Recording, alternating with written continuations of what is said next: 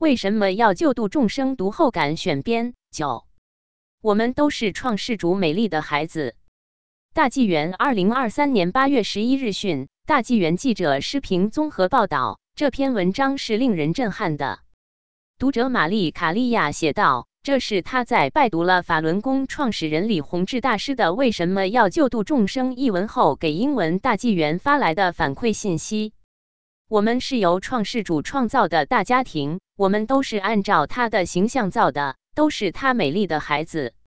不同族裔。”不同信仰背景的读者分享了他们对这篇文章的读后体会，也表达了对现在这个缺乏信仰社会的担忧。而李大师的教导正是世界需要的，人们纷纷购买李大师的书籍，准备对法轮大法进行深入了解。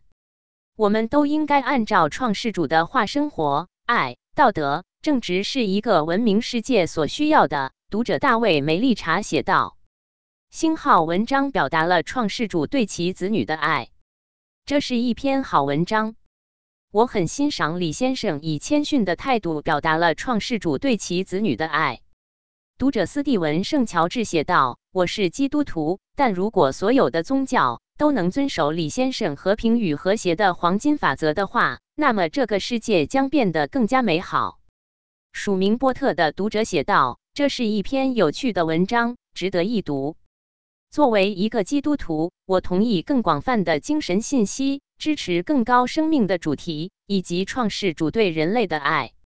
虽然我不是法轮功的修炼者，但我支持任何文化背景的人修炼法轮功，因为法轮功的信息和核心信仰是令人钦佩的，在一个不断被侵蚀的全球社会中是需要的。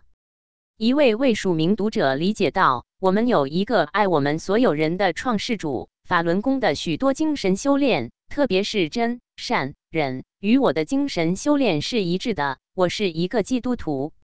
审查制度正通过当前的媒体强加给这个世界的人们。我担心我们正处于一个危险的境地，因为有些人没有寻找到事情的真相，也没有认识到真相的重要性。了解当今世上事情的真相，是我订阅《大纪元时报》的原因之一。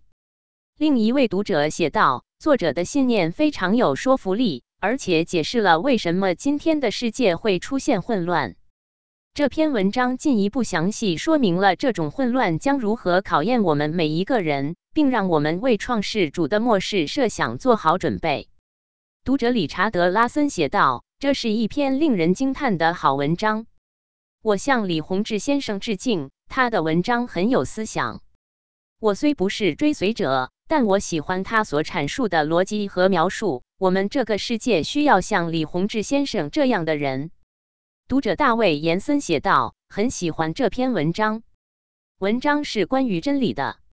真理无处不在，但它经常被压制或扭曲，因为真理是那些寻求控制权的人的敌人。真理是对这种破坏性行为的解毒剂。”读者苏珊克尔说。他阅读了所有李洪志先生发表的文章，并做标注，以备今后再读。我希望可以最终完全理解文章的内涵。我希望你们有计划的刊登更多李大师的文章。星号，这是普世的爱。一位未署名的读者写道：“这篇文章理解起来有点难度，其理念与犹太教、基督教教义非常不同，但其平和爱的宗旨是普世的。”非常美好的。另一名读者写道：“我是在《大纪元时报》上读到关于法轮功的内容，之前从来没有听说过。这篇文章让我想起了爱、信仰和普世的共同信念，让我知道有更高的神。我觉得信仰的缺失导致了当今世界的许多败坏和文明的丧失。”读者阿兰·塞利尔写道：“李大师的文字优美而简单，而且。”他给我们所有人的道德信息也是简单明了的，要做一个善良和有爱心的人。读者梅丽莎·施密特写道：“我认为这篇文章非常打动人，信息量很大。”一位未署名的读者写道：“这是一篇美丽的文章，展示了所有人的愿望，也有一个积极的信息，这是我们现在都需要的。”读者卡林·摩根。我喜欢这篇文章，相信并希望这个信息变得更加主流。星号我打算学习法轮功信仰体系。还有大量的读者表达了他们对法轮功的兴趣，并感谢大纪元介绍这门信仰。名为马丁赞佐的读者说：“发现法轮功信仰体系是一种值得称赞的行为方式。法轮功信徒的生活方式会使世界变得更加美好。”读者沙利汉时说：“我很高兴收到关于法轮功思想的信息。我认同这是一种基于爱、同情和宽容等价值观的世界观。”读者艾娃皮特法利夫写道：“我打算学习他的信仰体系。”因为这一体系听起来非常有吸引力，我想看看是否能在繁忙的日子里加进这一内容。读者艾斯弗雷哈特写道：“我想购买俄文的法轮功书籍。”一位未署名读者写道：“新年时你们发表了李先生的第一篇文章后，我就购买了《转法轮》一书，非常有启迪性，具有丰富的内涵。这第二篇文章。”如同第一篇文章一样，是积极的信息。读者卡罗克雷托维奇说：“看起来那些修行的人都很平和，很有爱心。我有兴趣了解更多关于这门修行方法的知识。我相信上帝支持法轮功。”一位天主教徒、美国麻醉师协会的医学博士斯蒂文吉尔斯说：“他希望更好地了解法轮功的教义和哲学。”读者雪梨麦克考斯林说：“令人大开眼界的文章。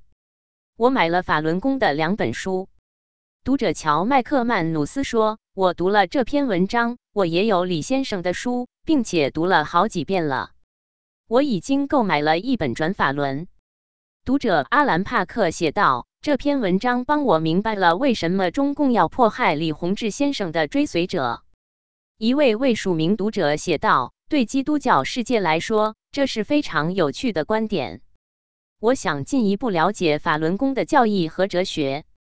读者爱德华达施尔写道：“这是一篇非常有见地的文章，介绍了法轮功的真正特点，提供了我以前不知道的有用信息。我很感谢能得到关于这种修炼的真实信息。”读者瑞安斯普斯塔表示。相信任何一个拥有真正开放思想和心灵的人都能从李洪志先生的文章中得智慧。责任编辑：孙云。